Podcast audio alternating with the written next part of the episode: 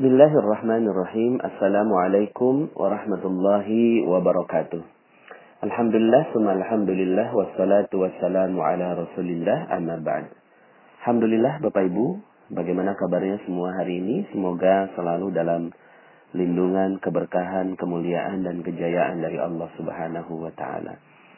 Hari ini uh, saya ingin menyampaikan materi tentang cara cepat mendapatkan anak ya Uh, begini Bapak Ibu, anak itu sebenarnya adalah hak Allah Subhanahu wa taala, ya.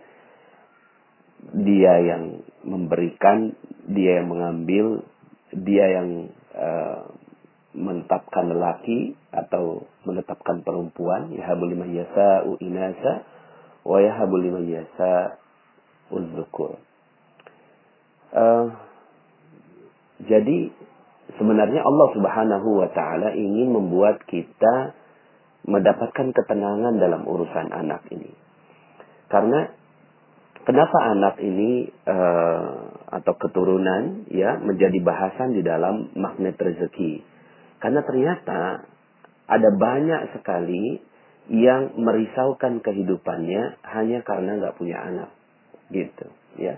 Jadi hanya karena lama mendapatkan anak. Kalau Bapak Ibu ikuti materi-materi saya sebelumnya, dan ini uh, sudah materi yang ke-20 ya, jadi saya berharap sekali Bapak Ibu mengikuti materi-materi saya sebelumnya, kaitannya dengan paradox of candy, kemudian cicak jerapah, jendela buram, ya, kemudian tips jeruk nipis. Uh, semua hal yang berkaitan dengan harta, ya, berkaitan dengan rezeki, ya berupa harta maupun berupa anak ya itu terkadang membuat kita malah menjauhkan diri kita dari Allah Subhanahu wa taala. Karena kita yang menetesi seluruh tubuh kita dengan jeruk nipis, nggak terima dengan uh, apa ketidakmampuan kita, ketidaksempurnaan kita, padahal Allah Subhanahu wa taala tetapkan bayi jerapah ya lahir langsung ditendang lahir ditendang apa ditendang lagi naik lagi ditendang lagi. Ini adalah Allah Subhanahu wa taala ingin menetapkan bahwa kita uh, terima dengan apa pun ketetapan Allah Subhanahu wa taala. Nah maka saya memasukkan urusan anak ini menjadi bagian dari yang membuat kita resah, gelisah, sama seperti punya hutang, punya piutang. Makanya kenapa itu juga harus diselesaikan Agar apa? Agar harta kita terbaik, harta kita terbesar, harta kita teragung, yaitu ketenangan batin itu tidak hilang dari diri kita. Ya, ada banyak sekali orang di luar sana yang nggak punya anak lalu kemudian gelisah. Hey, anak itu kan urusannya Allah.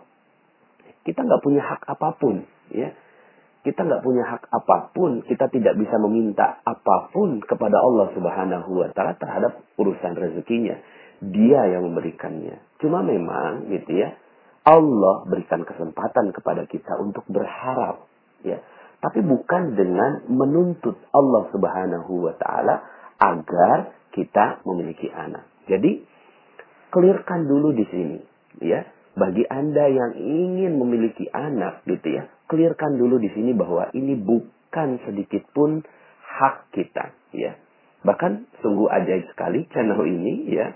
Uh, sebelum saya sampaikan materi tentang uh, cara cepat punya anak, ada yang sudah bertestimoni. Jadi testimoninya sebelum materinya disampaikan ya. Ternyata ketika beliau menjalankan ya materi-materi sebelumnya, subhanallah malah positif hamil gitu ya. Kenapa? Karena kegelisahan, kegalauan, kekhawatiran gak punya anak dan lama punya anak ini adalah salah satu sebab kenapa akhirnya Allah juga tahan.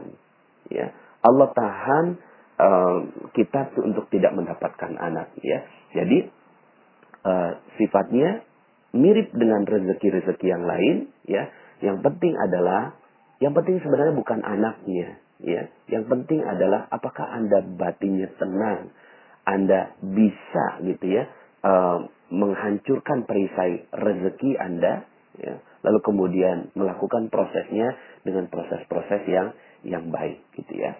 Jadi kalaupun memang ditakdirkan Anda punya anak, itu baik gitu.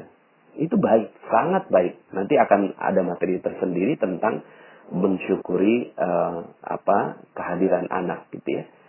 Tapi kalaupun Anda tidak diberikan anak, itu pun baik, ya.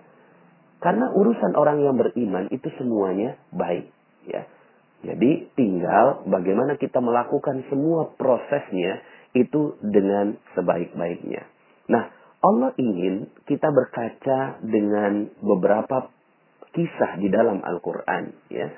Uh, di dalam Al-Quran yang tersebar itu banyak sekali kisahnya tentang Nabi Zakaria. Ya. Nabi Zakaria. Dan uniknya, ya, uh, kisah tentang Nabi Zakaria yang memiliki anak ini dihubungkan dengan rezeki, ya. Yuk kita sama-sama bahas.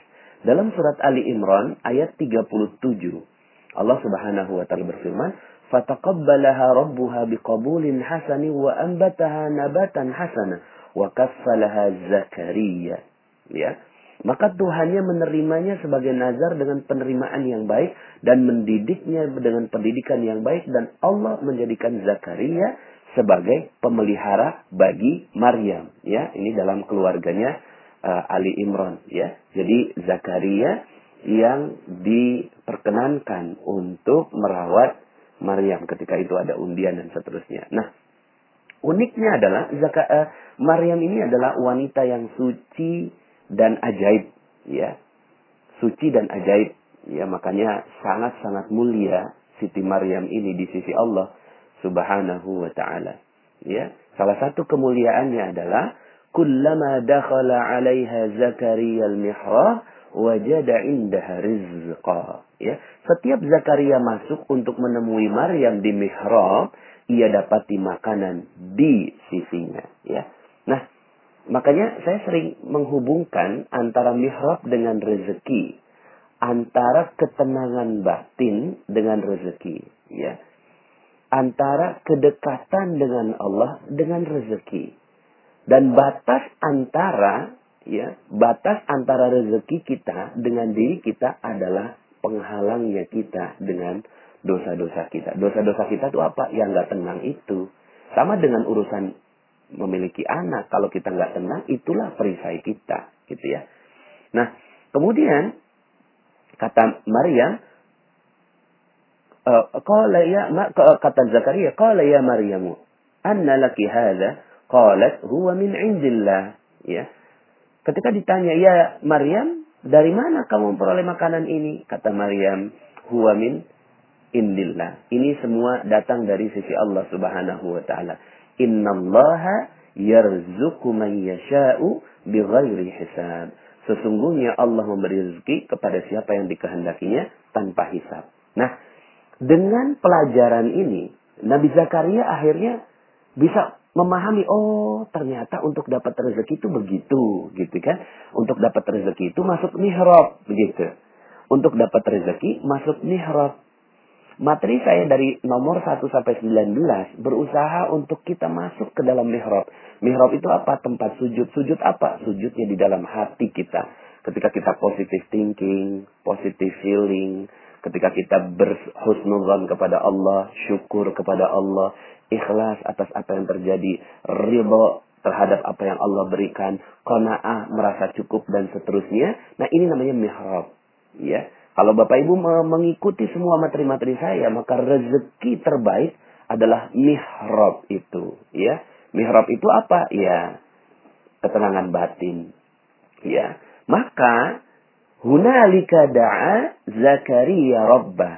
Begitulah akhirnya Zakaria berdoa untuk punya anak. Begitu Bapak Ibu ya.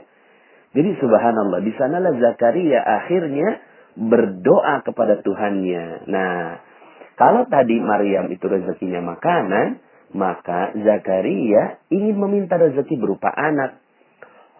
Apa doanya? Nah, ini juga Anda bisa bisa jadikan ini sebagai doa ya. Qala rabbi habli min ladunka dzurriyyatan thayyibah innaka sami'ud du'a. Ya. Saya ulangi, rabbi habli min ladunka dzurriyyatan thayyibah innaka sami'ud du'a. Sekali lagi. Rabbi habli min ladunka dzurriyyatan thayyibah innaka sami'ud du'a. Ya Robku, berilah aku dari sisi engkau seorang anak yang baik. Sesungguhnya engkau maha pendengar doa. Nah, Bapak Ibu, tapi mari kita lihat sama-sama uh, apa alurnya. Alurnya yang pertama kisah Maryam dulu mendapatkan rezeki. Yang kedua, Zakaria belajar dari kisah Maryam mendapatkan rezeki. Yang ketiga, Zakaria melakukan proses mihrab itu, yaitu ketenangan batin, ya. Seperti yang saya lakukan kepada Bapak Ibu semua, tenang, cool, santai aja gitu ya. Dapatkan ketenangan batin itu. Baru kemudian setelah proses itu berjalan, langkah keempat, berdoa. Ya, jadi tetap berdoanya dilakukan di ujung ketika batin kita udah ya udah ya Allah kalau memang ini rezeki aku emang punya anak alhamdulillah. Enggak juga enggak apa-apa. Tapi kalau Robbi habli zur apa Robbi habli min ladunka ya Allah berikanlah kepada kepadaku anak yang baik ya. Innaka sami'ud du'a. Sesungguhnya engkau maha penerima uh, maha pendengar pendengar doa. Baru kemudian langkah kelima nih ya Siapa yang mengabarkan? Malaikat. Fanadatul malaika wa huwa qa'imun yusalli fil mihrab. Nah, sekali lagi, yusalli fil mihrab, dia tetap berada di dalam mihrabnya. Kemudian malaikat Jibril memanggil Zakaria sedangkan ia tengah berdiri melakukan sholat di mihrab. Artinya, keadaan untuk terus berada dalam ketenangan batin, dalam kedekatan dengan Allah, dalam husnuzan kepada Allah itu terus dilakukan. Baru kemudian malaikat datang saat Nabi Zakaria juga sedang melakukan proses pemurnian itu. Baru kemudian ya akhirnya ya uh, malaikat Jibril mengatakan annallaha yubashshiruka bi Yahya musaddiqan bi kalimatin minallah wa sayyidan wa hasuran wa nabiyyan minas salihin. Subhanallah. Sesungguhnya Allah menggembirakan kamu dengan kelahiran Yahya, ya, alaihi salam yang membenarkan kalimat yang datang dari Allah menjadi ikutan menahan diri dari hawa nafsu dan seorang nabi yang termasuk keturunan orang-orang yang soleh. Nah, Bapak Ibu akhirnya doanya Nabi Zakaria itu dikabulkan oleh Allah Subhanahu wa taala ya. Nabi Zakaria akhirnya dikabulkan oleh Allah doanya ya. Kenapa itu dikabulkan doanya? Bagaimana prosesnya? Itu tadi, gitu kan? Prosesnya ketika beliau tenang. Nah, kalau dalam materi sebelumnya saya katakan bahwa doa kita untuk dapat rezeki itu khairur razikin ya, Bapak Ibu ya khairur razikin. Nah, uniknya untuk anak ya, kita juga mendoakan dengan format yang mirip yaitu khairul warisin. Yuk sama-sama ya bagi Anda yang mau benar-benar memiliki anak bisa bacakan doa ini ya.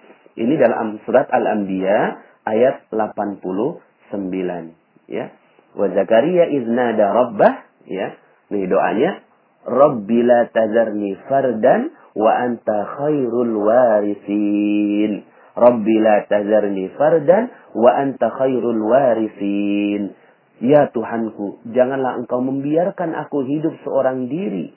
Ya, Janganlah engkau membiarkan aku hidup seorang diri. Minta sama Allah. Sekali lagi, proses memintanya, ini meminta di tahap yang keempat ya. Satu, dua, tiganya silakan dilalui. Ya. Dan mudah-mudahan proses ini Anda bisa lakukan dan mudah-mudahan setelah ini Anda juga dimudahkan oleh Allah untuk memiliki seorang anak. Ya, Rabbi la tazarni fardan wa anta khairul warisin. Ya Tuhanku janganlah engkau membiarkan aku hidup seorang diri dan engkaulah waris yang paling baik. Pemberi waris yang paling paling baik. Nah, Bapak Ibu yang dirahmati Allah Subhanahu wa taala, dalam ayat lain dalam surat As-Saffat ayat 100 ini juga adalah contoh doanya untuk mendapatkan anak ya dan ini doanya Nabi Ibrahim alaihi salam ya apa doanya Rabbi habli minas salihin Rabbi habli minas salihin. Ya Tuhanku, anugerahkanlah kepadaku seorang anak yang termasuk orang-orang yang soleh. Ya, Robbi habli minas salihin. Nah, Bapak Ibu, ya setelah proses, jika proses ini betul-betul dijalankan dengan baik, ya, jika proses ini dijalankan dengan baik, Allah ridho. Allah senang sekali melihat, ya. Allah senang sekali melihat hamba yang berharap kepadanya. Tapi berharapnya itu bukan dengan kegelisahan, bukan dengan ditetes dengan jeruk nipis gitu kan bukan dengan tidak terima karena dijatuhkan oleh Allah ya. Bukannya uh, dia dalam keadaan yang menjauh dari Allah tidak berada di dalam tempat sujud gitu kan tidak berada di dalam mihrab. Bukan. Tapi kalau anda betul-betul ingin mendapatkan anak yang soleh yang benar karena anak ini bukan cuma sekedar hasil dari dari pertemuan biologis ya bapak ibu ya tapi anak ini adalah karunia dari Allah Subhanahu wa taala. Karena ya ajaib gitu ya. Profesor mana yang bisa membuat penelitian di dalam sebuah ruang gelap? Enggak ada. Profesor mana di seluruh dunia enggak ada yang bisa membuat percobaan di ruang yang gelap, ya. Satu. Apalagi ruangnya sempit gitu. Ruangnya sempit. Ya. Kalau ruangnya agak lebar, gelap mungkin masih ada sedikit kemungkinan. Tapi kalau seandainya ruangnya sangat-sangat sempit dan tidak ada ruang gitu ya. Lalu kemudian di situ ada kegelapan dan kemudian tercipta sebuah uh, proses itu bukan bukan lagi uh, hasil ilmiah yang bisa difikirkan Bapak Ibu. Ini nggak bisa diilmiah-ilmiahkan. Oh pakai ini, pakai ini, pakai ini nggak bisa diilmiahkan. Itu keajaiban anak itu adalah keajaiban dari Allah Subhanahu wa taala. Maka betul-betul ya kita memintanya bukan kepada yang lain tapi memintanya kepada Allah Subhanahu wa taala ya. Jika seandainya Anda diberikan, maka bersyukur kepada Allah Subhanahu wa taala. Mudah-mudahan anaknya ini bisa menjadi khairul warisin ya, menjadi uh, apa? sebaik-baik pewaris bagi bagi kita. Kemudian kalau jika jika diberinya lama, maka bisa jadi Allah ingin agar kita berkarya berdua, ya. Berdua menikah lalu kemudian berkarya gitu ya. Belum punya anak ya sudah, coba karyakan ya. Jadikan kesempatan ini untuk berkarya untuk anaknya orang lain, untuk orang lain ya. Kemudian jaga terumbu karangnya.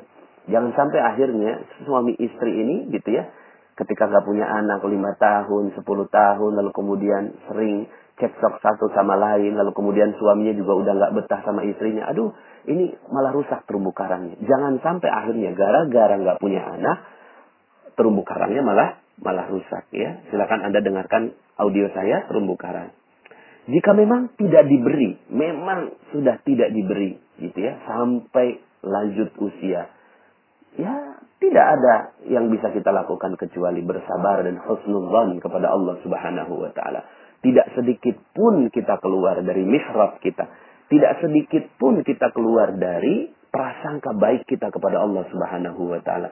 Apa prasangka baiknya? Ya, mungkin Allah ingin kita merawat anak-anak orang lain, gitu ya. Karena mungkin ada anak-anak orang lain di luar sana yang nggak bisa dirawat oleh orang tuanya sendiri. Mungkin bukan anak orang lain, tapi kita berkarya, memberikan karya terbaik untuk manusia-manusia yang notabene itu adalah anak-anak manusia juga gitu ya. Mungkin kita akhirnya bekerja lebih keras, lebih maksimal, lebih keluar potensinya. Akhirnya karya-karya kita keluar gitu kan. Ada berapa banyak orang yang bisa membuat buku, e, menjadi guru, kemudian memberikan kontribusi buat bangsa. Itu adalah bagian dari ya kesyukuran ya. Tetap dia husnuzan dan bersyukur kepada Allah Subhanahu wa taala. Yang jelas nggak punya anak bukan berarti kiamat buat kehidupan rumah tangga. Sama sekali bukan, gitu ya. Seorang suami ketika istrinya tidak punya anak, gitu ya, maka dia harus tetap memuliakan istrinya karena walau bagaimanapun kita sudah bersumpah janji di hadapan Allah dengan akad nikah itu kuat sekali misasan ghaliza. Lalu kemudian gitu ya seorang istri juga sudah gitu ya berhusnuzon kepada suaminya, berhusnuzon kepada keluarganya dan kalau ada keluarga bilang, kayak kenapa kok kamu gak punya anak? Ya, so what gitu loh. Saya gak mau tetesi dengan jeruk nipis gitu ya. Biasa aja gitu ya. Karena harta terbesar bagi seorang manusia bukan anak, bukan rezeki, bukan harta, tapi harta terbesarnya adalah ketenangan jiwa, gitu ya. Nah, Bapak Ibu, ya, tadi saya sudah sampaikan berdoa. Nah, kemudian amalan-amalan yang bisa kita lakukan untuk mempercepatnya. Selain itu juga adalah setiap ada kelahiran orang lain didoakan. Dan doakan dengan tulus gitu ya. Mendoakan dengan tulus. Setiap ada kelahiran kemudian doakan dengan tulus. Datang ke rumah sakit doakan orang lain muliakan orang lain berikan hadiah dan seterusnya. Kemudian yang kedua setiap bertemu anak sayangi dan muliakan anak siapa pun dia anak siapa pun dia ya bahkan uh, dimuliakan dan dijaga gitu ya dihormati dan uh, kita sayangi ya. Dan seperti yang tadi saya sampaikan sering-seringlah berdoa dengan doa-doa yang tadi sudah saya sampaikan. Nah ada dua doa yang uh, terakhir ingin saya sampaikan gitu ya yaitu doa uh, jadi tadi sudah ada doanya uh, Nabi Zakaria kemudian doanya Nabi Zakaria ada dua ya. Kemudian doanya Nabi Ibrahim. Lalu kemudian ini dalam surat Al-Ahqaf ya. Surat Al-Ahqaf ayat 15. Ya. Ini bisa didoakan ya. Rabbi auzi'ni an ashkura ni'mataka allati an'amta alayya wa ala walidayya wa an a'mala salihan tardahu wa aslih li fi zurriyyati inni tubtu ilaika wa inni minal muslimin. Ya. Ya Tuhanku, tunjukilah aku untuk mensyukuri nikmatmu yang telah engkau berikan kepadaku. Ya, jadi mensyukuri nikmat. Ya, nggak punya anak pun nikmat, punya anak pun nikmat. Dan kepada ibu bapakku, dan supaya aku dapat berbuat amal yang soleh yang engkau ridhoi. Ya, apa pun yang terjadi tetap melakukan amal soleh. Berilah kebaikan kepadaku dengan memberi kebaikan kepada anak cucuku. Gitu ya ya kepadaku dengan ya memberikan kebaikan kepada anak cucu. Sesungguhnya aku bertaubat kepada engkau dan sesungguhnya aku termasuk orang-orang yang berserah diri. Ini bagus sekali doanya ya bagi yang mau punya anak, nggak punya anak gitu ya dan mau punya anak cepat ini juga bagian dari doa. Dan terakhir adalah doa yang sangat masyhur ya Rabbana hablana min azwajina wa dzurriyyatina qurrata a'yun waj'alna lil muttaqina imama. Ya Rabb kami anugerahkanlah kepada kami istri-istri kami dan keturunan kami sebagai penyenang hati kami dan jadikanlah kami imam bagi orang-orang yang bertakwa ya. Nah, Bapak Ibu yang dirahmati Allah, apakah boleh kita minta doa anak? Boleh. Boleh, tapi sekali lagi, tadi ada berapa tahap tuh? Ada lima tahap. Tahap keempat baru doa, ya. Tahap pertamanya, ah, dengerin lagi dari awal. Bahkan Rasulullah Shallallahu Alaihi Wasallam itu juga mendoakan, gitu ya. Ketika Nabi Shallallahu Alaihi Wasallam mendoakan anaknya Ummu Sulaim, yaitu Anas bin Malik radhiyallahu an. Ya, ketika itu Anas bin Malik masih kecil, kemudian datang pada Rasulullah, lalu kemudian Rasulullah mengusapnya, dan kemudian Allahumma aksir malah. Ini doanya Rasulullah SAW kepada Anas. Allahumma aksir malahu wa waladahu wa barik lahu fima. Ya Allah perbanyaklah hartanya dan perbanyaklah anaknya serta berkahilah apa yang engkau karuniakan kepadanya. Jadi doa seperti itu boleh. Maka gimana cara doa kita? Itu kan doanya Rasulullah SAW kepada Anas bin Malik. Lalu doa kita bagaimana? Nah ini bisa juga dihafalkan. Allahumma aksir mali wa waladi wa barik li fima a'taitani. Sekali lagi, Allahumma aksir mali wa waladi wa barik li fima a'taitani. Ya Allah, perbanyaklah harta, perbanyaklah anakku serta berkahilah karunia yang Engkau beri. Mudah-mudahan dengan amalan-amalan seperti ini Allah Subhanahu wa taala mempercepat proses anak Anda dilahirkan ke muka bumi ya. Semoga dengan cara ini Anda bisa mendapatkan zuriatan thayyibah, anak keturunan yang baik yang akan menjadi pewaris kita. Ya, pewarisnya bukan hanya pewaris, bukan pewaris uh, harta ya Bapak Ibu ya, tapi pewaris kebaikan bagi Anda dan keluarga Anda. Semoga ya dengan langkah-langkah ini yang pertama ya belajar dari orang yang mendapatkan rezeki. Dan ini prosesnya Anda sudah lakukan dengan benar dengan mengikuti channel Telegram ini dan juga belajar kepada guru-guru yang ada di sekitar Anda juga guru-guru yang mulia. Anda muliakan mereka semua ini belajar dengan proses pencarian rezeki. Yang kedua gitu ya yang kedua adalah dengan uh, apa namanya memahami bahwa ya uh, rezeki itu datangnya dari Allah Subhanahu wa taala. Begitupun juga anak. Dan yang ketiga datanglah gitu ya. Tetaplah berada dalam mihrab. Mihrab ini ketenangan batin. Husnuzon kepada Allah. Baik sangka kepada Allah. Kemudian berada selalu dalam ketaatan. Hancurkan perisai rezekinya. Kemudian uh, jangan tetes dengan jeruk nipis. Kemudian uh, jendela buramnya dibuka lalu bersyukur kalau seandainya harus menjadi cicak dan jerapah gitu ya. Nah, hal-hal seperti ini ya yang bisa Anda lakukan. Lalu kemudian ya yang yang keempat adalah berdoa kepada Allah dengan doa yang sungguh-sungguh. Insya Allah yang kelima akan terjadi.